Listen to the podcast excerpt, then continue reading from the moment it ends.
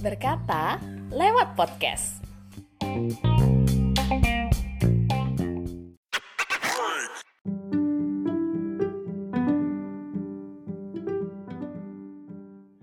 New normal adalah salah satu kebijakan presiden yang sedang dijalankan saat ini untuk masyarakat Indonesia. Banyak sekali protokol kesehatan yang harus disaati oleh masyarakat sendiri. Nah, untuk kita orang awam, kita tentu penasaran apa sih new normal itu dan kenapa mesti ada new normal. Langsung saja kita sudah tersambung dengan research enthusiast yaitu Nadira Asrifa dia merupakan lulusan Magister Perencanaan Ekonomi dan Kebijakan Pembangunan dengan spesialisasi Ekonomi Globalisasi. Sangat pas banget nih. Halo Nadira. Hai, halo Anggi. Thank you udah undang di podcast. Iya, terima kasih loh seorang research enthusiast udah mau diwawancara di Berkata lewat podcast sama-sama aku juga terima kasih udah dikasih space buat berbagi sedikit apa yang aku belajar ya selama pandemi ini. Oh, Oke, ini keren banget ini Dira ini.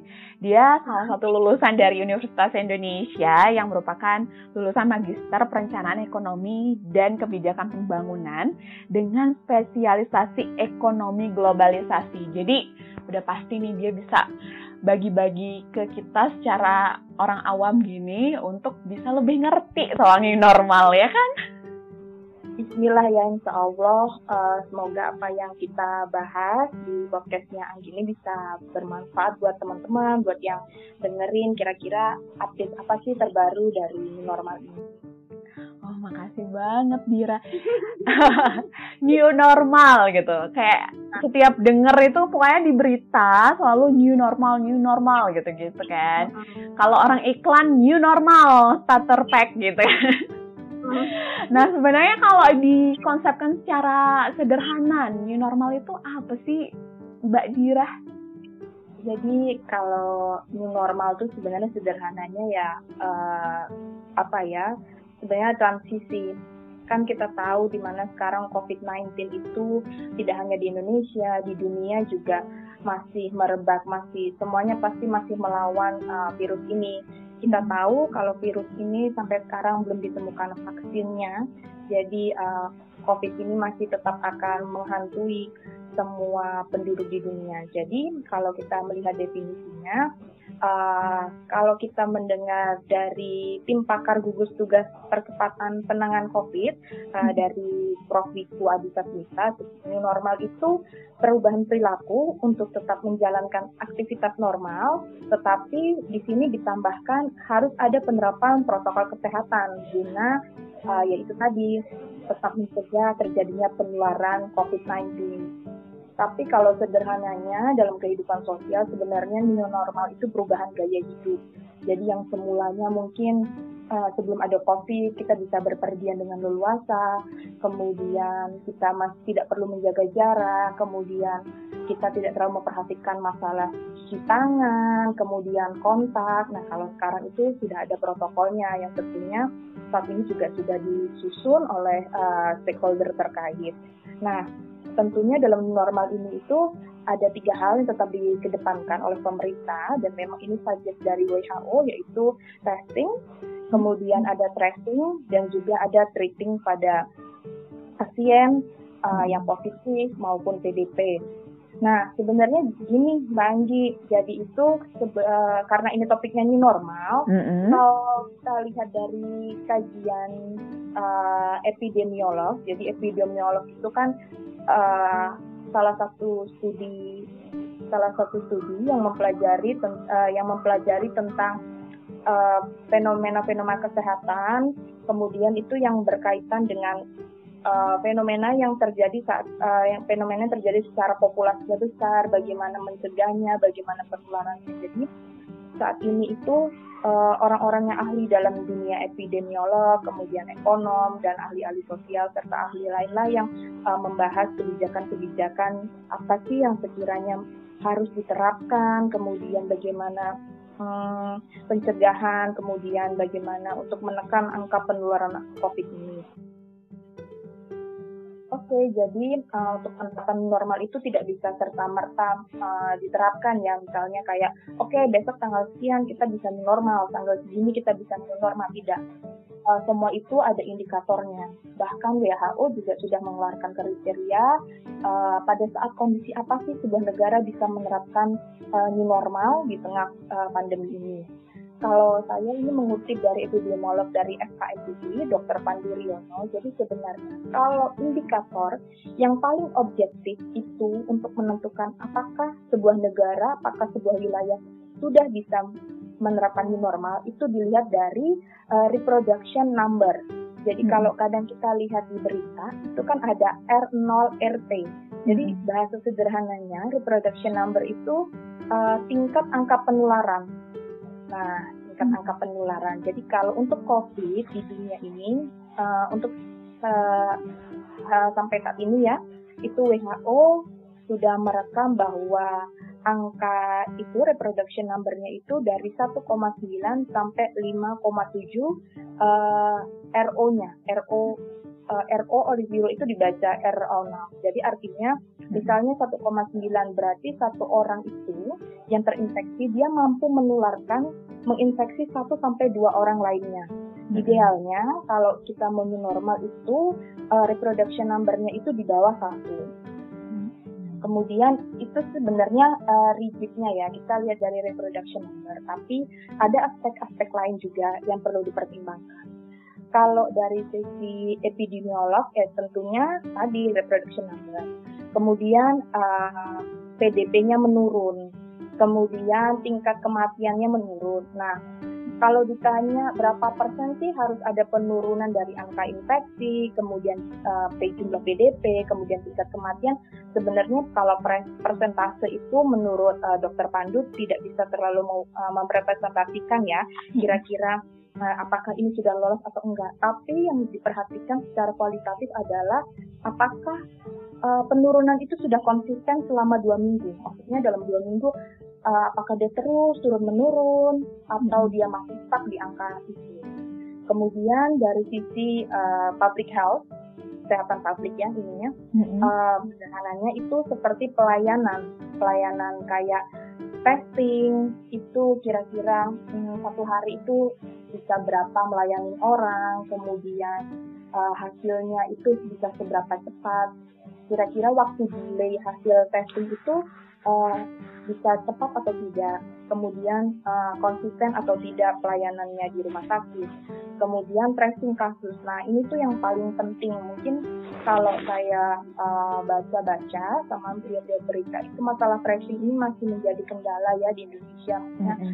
Kadang masyarakat memang masih belum bisa jujur karena nggak bisa dipungkirin kalau terkadang kalau kita lihat di lingkungan sosial COVID ini justru seperti air, seperti social pressure. Jadi ketika mm -hmm. ada PDP atau ada yang terjangkit itu tuh malah seperti kayak dijauhin, uh, maksudnya kayak ya dibiarkan. Padahal ya memang itu menular. Memang kita harus jaga jarak. Tapi kan maksudnya jaga jarak dalam tanda kutip bukan seperti itu. Jadi uh, hal tersebut menekan masyarakat untuk bersikap tidak tidak fair ya maksudnya mereka nggak nggak jujur gitu.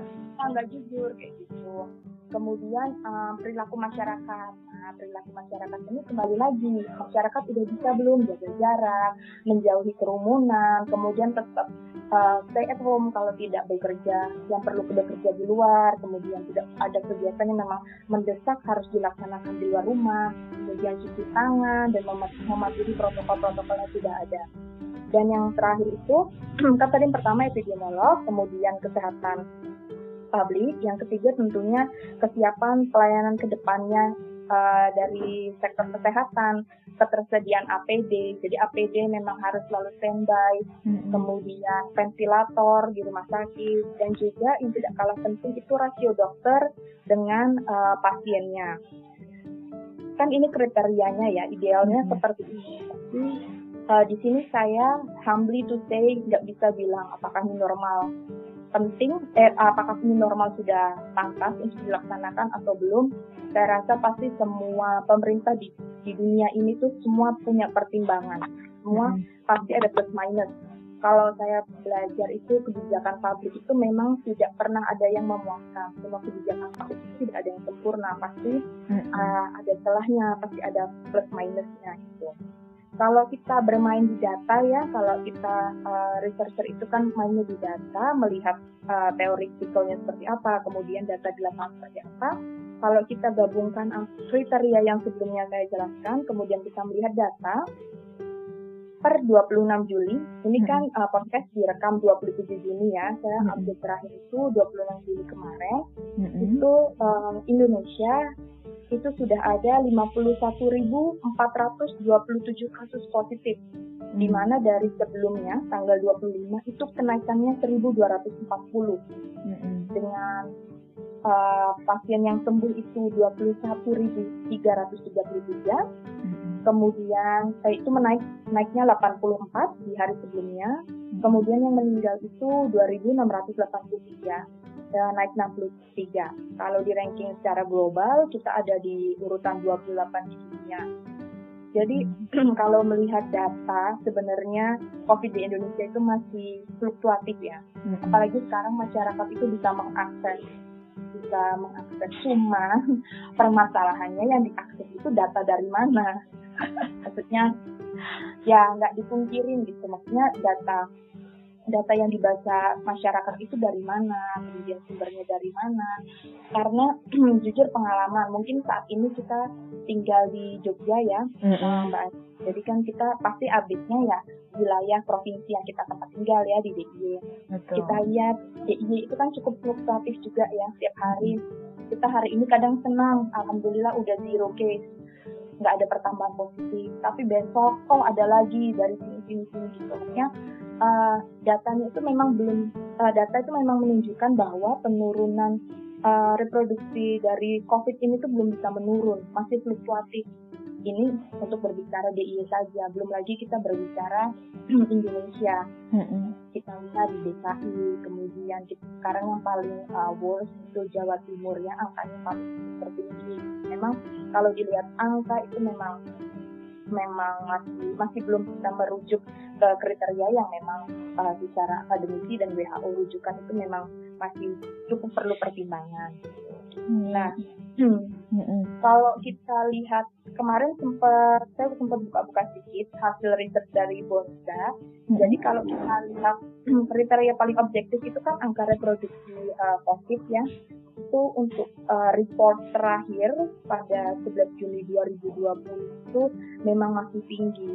Nah, masih uh, masih banyak yang di atas satu, yang di bawah satu itu seperti Riau, Sulawesi Barat, Aceh, Kalimantan Utara gitu. Hmm. Memang pada awalnya kan pemerintah juga memperlakukan new normal kan bertahap, tidak semua daerah langsung bisa uh, melakukan pelonggaran PSBB, kemudian bisa membuka tempat-tempat uh, kayak misalnya mall, terus atau tempat-tempat yang publik ya, yang uh, kerumunan orang banyak. Jadi ya uh, pada awalnya new normal itu tuh bertahap, maksudnya tidak bisa diperlakukan pukul sama rata, misalnya kayak uh, misalnya Jakarta udah mulai pelonggaran gitu, terus tapi kan dilihat lagi gitu, apakah bisa semuanya diterapkan kan masih banyak hal yang dipertimbangkan. Iya, tapi kembali lagi ke masyarakat. Kadang kan maunya pemerintah A, masyarakat masih harus menyesuaikan juga gitu dengan iya kebijakannya. Ya, mm jadi sebenarnya tuh uh, sebenarnya tuh ada tiga, enggak tiga, tiga ya. Uh, Aku bagi tiga aja secara general. Sebenarnya new normal itu tuh tanggung jawab tiga sektor jadi yang pertama itu tentu di sini uh, kita perlu government intervention ya, pemerintah yang membuat kebijakan, pemerintah yang bikin uh, pedoman bagaimana kita menjalankan new normal, kemudian pemerintah juga yang bisa memberikan kira-kira sanksi atau uh, pelarangan apa sih yang bisa dikeluarkan terkait dengan normal ini. Kemudian kedua dari sektor swasta, swasta erat kaitannya dengan bisnis bukan rahasia umum lagi uh, akibat COVID ini pertumbuhan ekonomi kita kan menurun. Kemudian uh, dunia bisnis kan juga sangat terpukul ya. Mm-hmm. Kita bisa lihat dari PHK, uh, harusnya PHK itu sekarang itu udah banyak bukan udah di mana-mana. Kemudian uh, konsumsi masyarakat menurun tapi kalau untuk konsumsi bahan makanan pokok kemudian kesehatan sih tidak. Nah itu perlu diperhatikan juga. Pasti kalau uh, sektor swasta khususnya bisnis pasti mereka nggak mau rugi dong. Kalau swasta kan maunya ya profit gitu Nah, tapi kan di sini juga mereka harus menyesuaikan karena kalau mereka tidak menyesuaikan kan bisa izin dicabut atau ditutup. Gitu.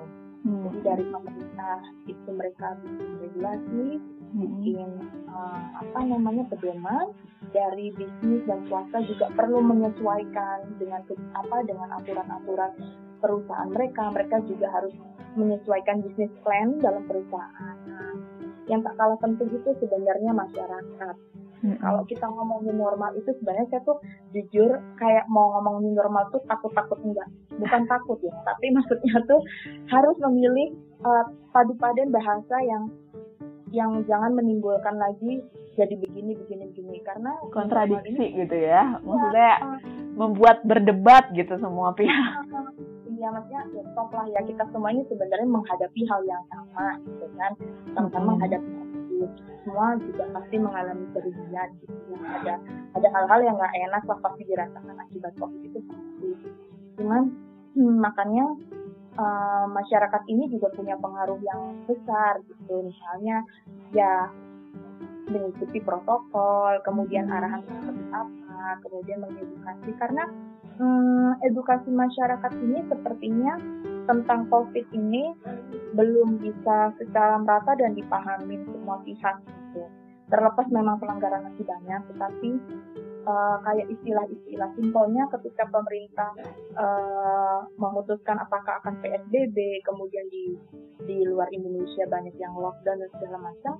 Kalau kita lihat tuh banyak masyarakat lokal juga kadang-kadang menggunakan lockdown itu tidak pas kan maksudnya mereka mengunci daerah mereka mereka mau lockdown kayak misalnya uh, satu desa nih mereka bilang lockdown nggak terima siapa tapi di dalam mereka tidak menerapkan protokol kesehatan. Nggak mereka masker. masker seterusnya uh, covid ini kita bukan hanya perang sama virus ya tapi uh, kita juga harus bagaimana caranya apa yang pemerintah terapkan apa yang memang uh, tinjauan tinjauan keilmuannya seperti apa, sebaiknya memang itu teredukasi ke masyarakat dengan baik dan benar karena komunikasi itu paling penting. Jadi memang apa ya tiga tiga komponen ini yang perlu untuk untuk bersinergi bareng ya, apalagi hmm. kalau memang sekarang itu katanya sudah new normal. Dan yang lebih memprihatinkan itu banyak orang menyalahartikan new normal.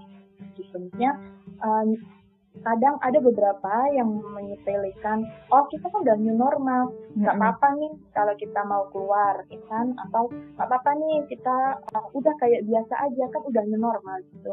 Nggak yeah. bisa maksudnya kita itu sekarang hidup dalam uncertainty gitu. Bahkan sekelas ilmuwan aja gitu. Atau uh, apa ya uh, orang-orang yang mengerti data saja kalau ditanya kapan ini akan berakhir? Kapan wabah akan berakhir mereka menjawab tidak tahu karena memang kita tidak pernah tahu gitu kita hanya bisa uh, tetap preventif dengan covid ini mematuhi apa yang ada gitu. jadi jangan sampai masyarakat itu menyalah artikan yang normal yang malah jadi takutnya jadi bom waktu Benar. Tadi sempat kesebut sama Mbak Dira kalau misalnya swasta alias ekonomi sempat berpengaruh. Nah, apakah ini yang melatar belakangi Indonesia untuk memperlakukan new normal sendiri? Atau ada latar belakang lain selain menurunnya ekonomi? Oke, okay, good question ya. Ini mm-hmm. uh, ini asik juga, bukan asik ya, ya asik. Asik buat kita yang di dunia akademisi dan research gitu di ini kan. Tapi maksudnya ini juga bisa jadi bola panas buat masyarakat.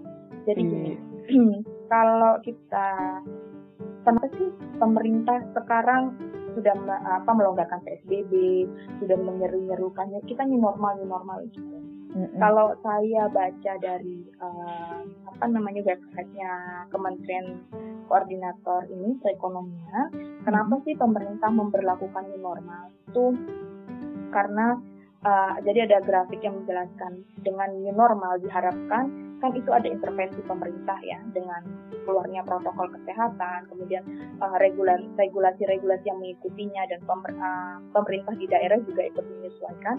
Nah, diharapkan ini tuh pertumbuhan ekonomi pulih kembali memang betul. Mm-hmm. Kemudian juga diharapkan dengan adanya intervensi dalam uh, fase new normal ini tuh diharapkan memang COVID ini bisa menurun penyebaran karena ditakutkan kalau misalnya tidak ada uh, apa ya new normal ini takutnya kasus COVID semakin meningkat, PHK semakin rajin, uh, semakin angka semakin angkanya semakin tinggi ya mm-hmm. uh, PHK, kemudian angka kemiskinan tinggi, pertumbuhan ekonomi semakin menurun.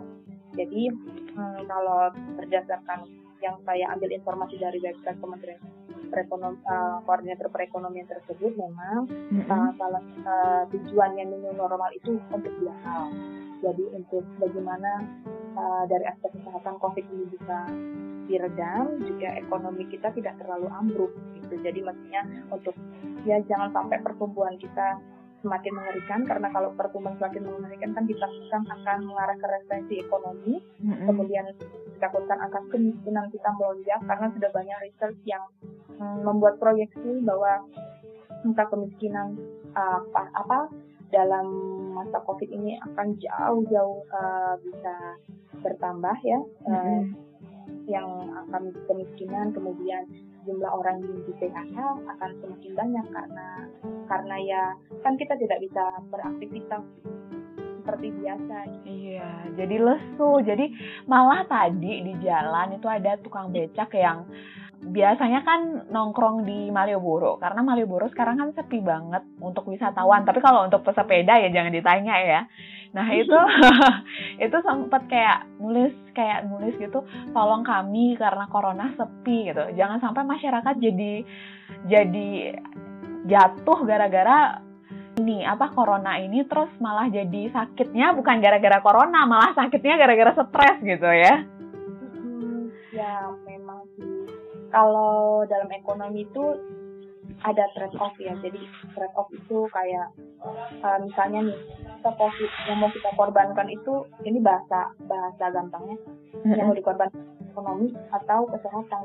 Tapi kalau uh, para ekonomi sepakat bahwa tidak boleh ada yang dikorbankan gitu, maksudnya hmm, ekonomi dan kesehatan itu sama-sama penting tapi sebenarnya sekarang prioritasnya memang yang harus kesehatan dulu gitu karena mm-hmm. uh, ekonomi tidak akan bisa benar-benar pulih kalau memang uh, kesehatan itu belum bisa pulih Hmm. Sebenarnya kita juga bisa sambil jalan-jalan sedikit ya ke, negara-negara ini ya. Hmm. uh, agak jauh dulu ceritanya sedikit. Iya. Yeah. Asia Tenggara kan kita tahu ya lihat di berita lihat di sosial media kayak Malaysia kan sudah melonggarkan uh, aturan PSBB mereka ya. Mereka sudah sudah beraktivitas normal mal-mal sudah buka bahkan uh, ada beberapa sekolah yang sudah buka. Kemudian Vietnam juga sudah seperti biasa New Zealand sudah seperti biasa. Uh, bahkan New Zealand juga sudah membuka penerbangannya walaupun hanya dari 20% kemudian uh, apa namanya Australia juga sudah uh, kehidupan apa namanya masyarakatnya sudah normal seperti biasa. Tapi uh, sebenarnya yang diambil itu jangan semerta-merta mereka udah new normal loh gitu enggak. Tapi dilihat runtut ke belakangnya. Kenapa sih mereka bisa ada di tahap itu? Pertama jelas angka uh, penularan COVID mereka itu menurun secara konsisten itu jelas. Kemudian mereka itu dalam new normal ini menerapkan uh, 3T tadi itu benar-benar secara optimal dan efektif gitu. Hmm. Kalau untuk sebenarnya gini, kalau untuk melakukan evaluasi apakah new normal mereka sudah berhasil atau belum, kita nggak tahu. Karena uh, kecolongan Singapura, Korea Selatan kan kecolongannya ada second wave karena mereka sudah new normal. Jadi kalau mau dibilang new normalnya mana yang sudah berhasil atau belum, saya rasa hmm, terlalu dini untuk menyimpulkan apakah sukses atau tidak. As long as virusnya masih eksis, as long as uh, vaksinnya belum bisa ditemukan, ya ancaman kehidupan kita itu baru gitu. Jadi hmm. uh, kalau di Malaysia itu mereka tracingnya benar-benar jadi kayak misalnya beberapa hotel ya mereka itu tracing dengan QR code. Jadi di handphone itu sudah ada aplikasi. Jadi setiap mereka mau masuk hotel itu uh, mereka tracing gitu. Jadi yang pernah mengunjungi ini siapa-siapa. Bahkan di mall-mall juga seperti itu. Kemudian uh, kadang ada juga cara tradisionalnya. Jadi kayak kita datang ke kondangan nikah gitu, kayak hmm. kita nulis uh, manual bolpen gitu kan. Mm-hmm. Jadi untuk tracing bahkan kayak di Korea itu juga mereka uh, kalau mau ke toko itu harus reservasi. Nah, tantangannya adalah Indonesia ini kan begitu luas dengan kepadatan penduduk yang Masya Allah ya banyak Betul. banyak.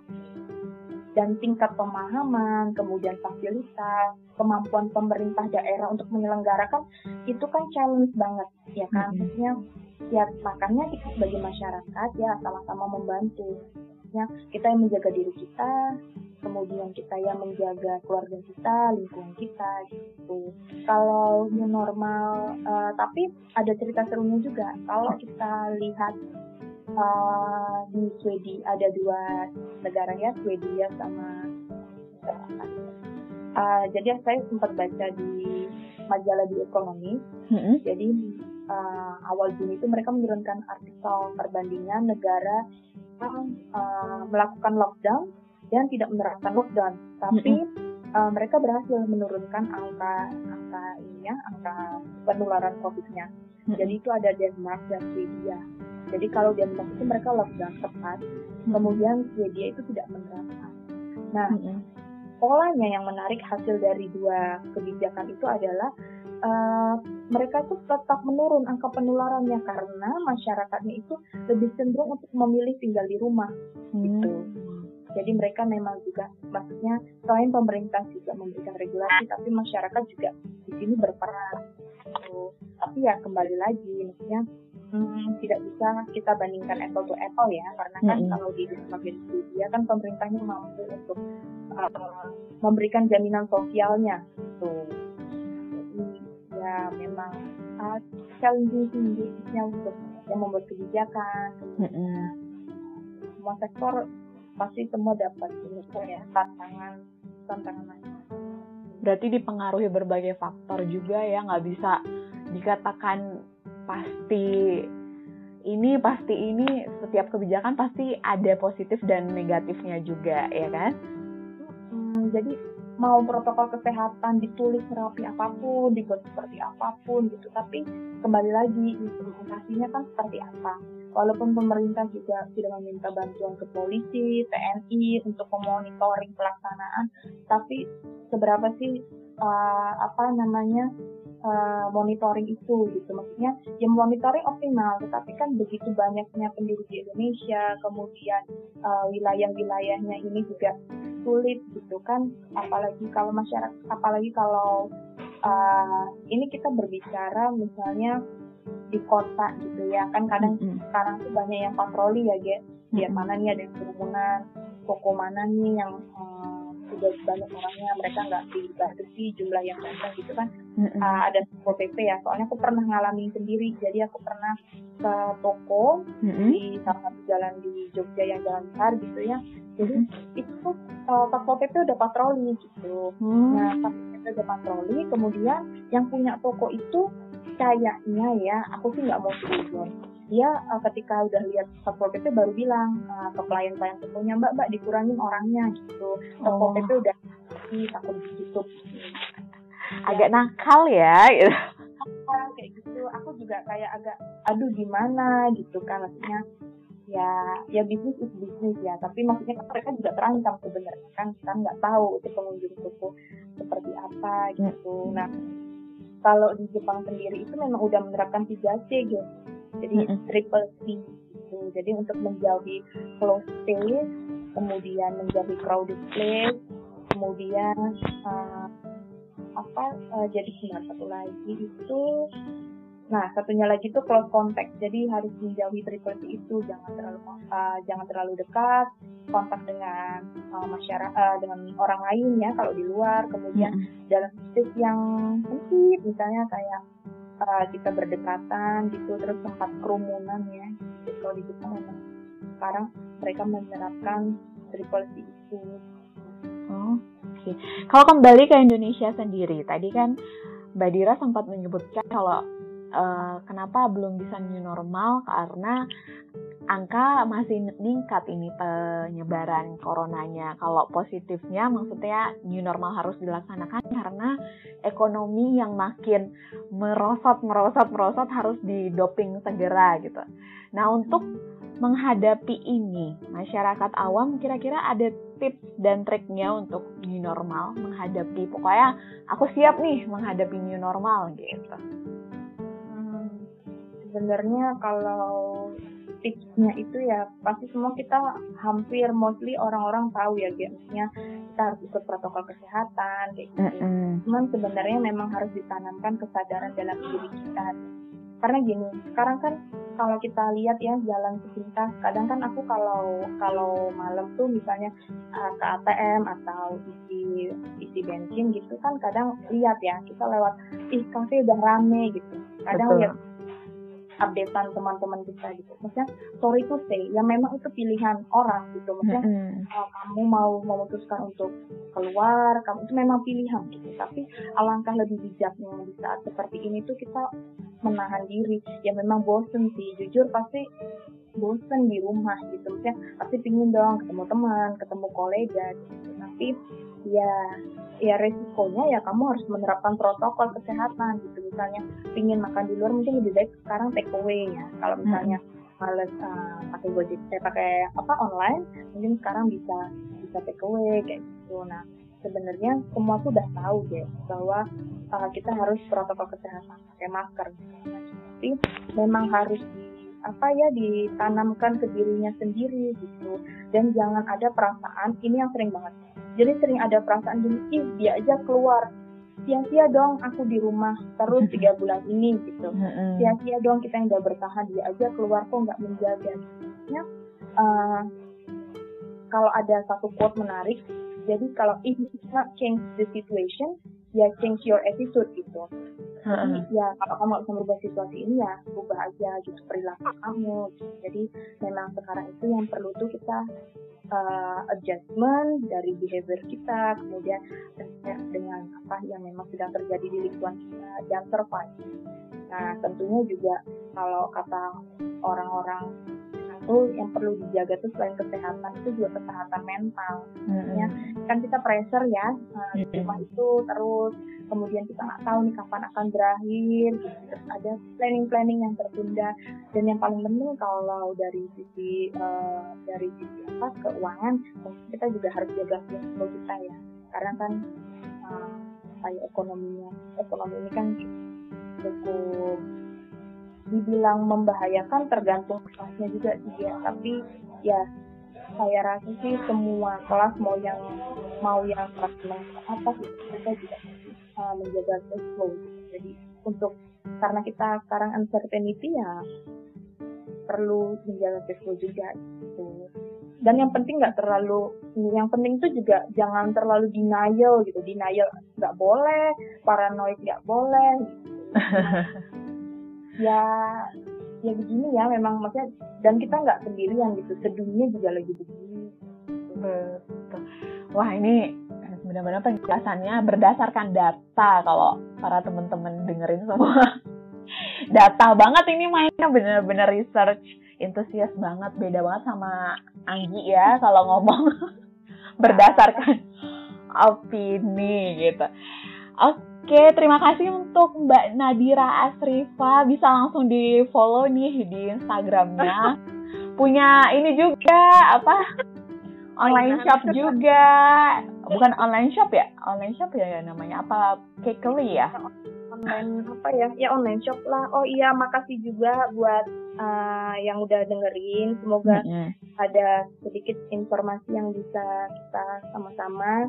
Kemudian semoga teman-teman masih masih ini ya betah dan betah buat apa menjaga jarak, buat mengurangi aktivitas di luar yang tidak perlu. Kemudian semoga yang penting melek data sih, bukan melek data, hmm, melek informasi. Mungkin ada orang baca data apa sih gitu, ah, terlalu uh, angka-angka kayak cacing, tapi um, melek informasi. Dan yang paling penting itu informasi dari mana, akurasi akurasinya seperti apa, kemudian akuntabelnya seperti apa gitu. Dan uh, semoga sih ini semua segera ada ininya ya uh, solusinya. Apakah vaksin ditemukan, apakah mungkin kita masih tetap bisa berkarya dan kita tetap bisa harus produktif kita harus tetap bisa produktif mm -hmm. ya di tengah-tengah seperti ini tuh jangan nggak produktif justru pikiran kita tuh makin ke mana-mana gitu makanya mungkin ya bisa informasinya harus tetap harus tetap stay tune kalau kata Mbak Anggi ya. Tapi informasinya ini lengkap banget jadi kita tahu perbandingan tentang antara negara lockdown dan new normal dan kita tahu data gitu. Kayak sering sekali kita membaca sesuatu dengan data yang tidak maksudnya tidak valid atau suka dilebih-lebihkan clickbait doang gitu loh biar diklik doang biar diklik doang gitu beberapa media ya tau lah ya jadi mendengar arahan dari Mbak Nadira ini jadi lebih terang gitu. Jadi sebagai masyarakat kita juga ya memang pemeraturan pemerintah seperti ini kita harus menaati tapi kita juga tetap harus melihat tindakan kita sendiri dengan menjaga protokol kesehatan gitu. Ya sudah, terima kasih untuk Mbak Nadira sudah mau diundang. Jangan kapok ya. Terima kasih juga Mbak. Anggi dan keluarga. Iya, Mbak Dira sehat selalu. Sampai jumpa.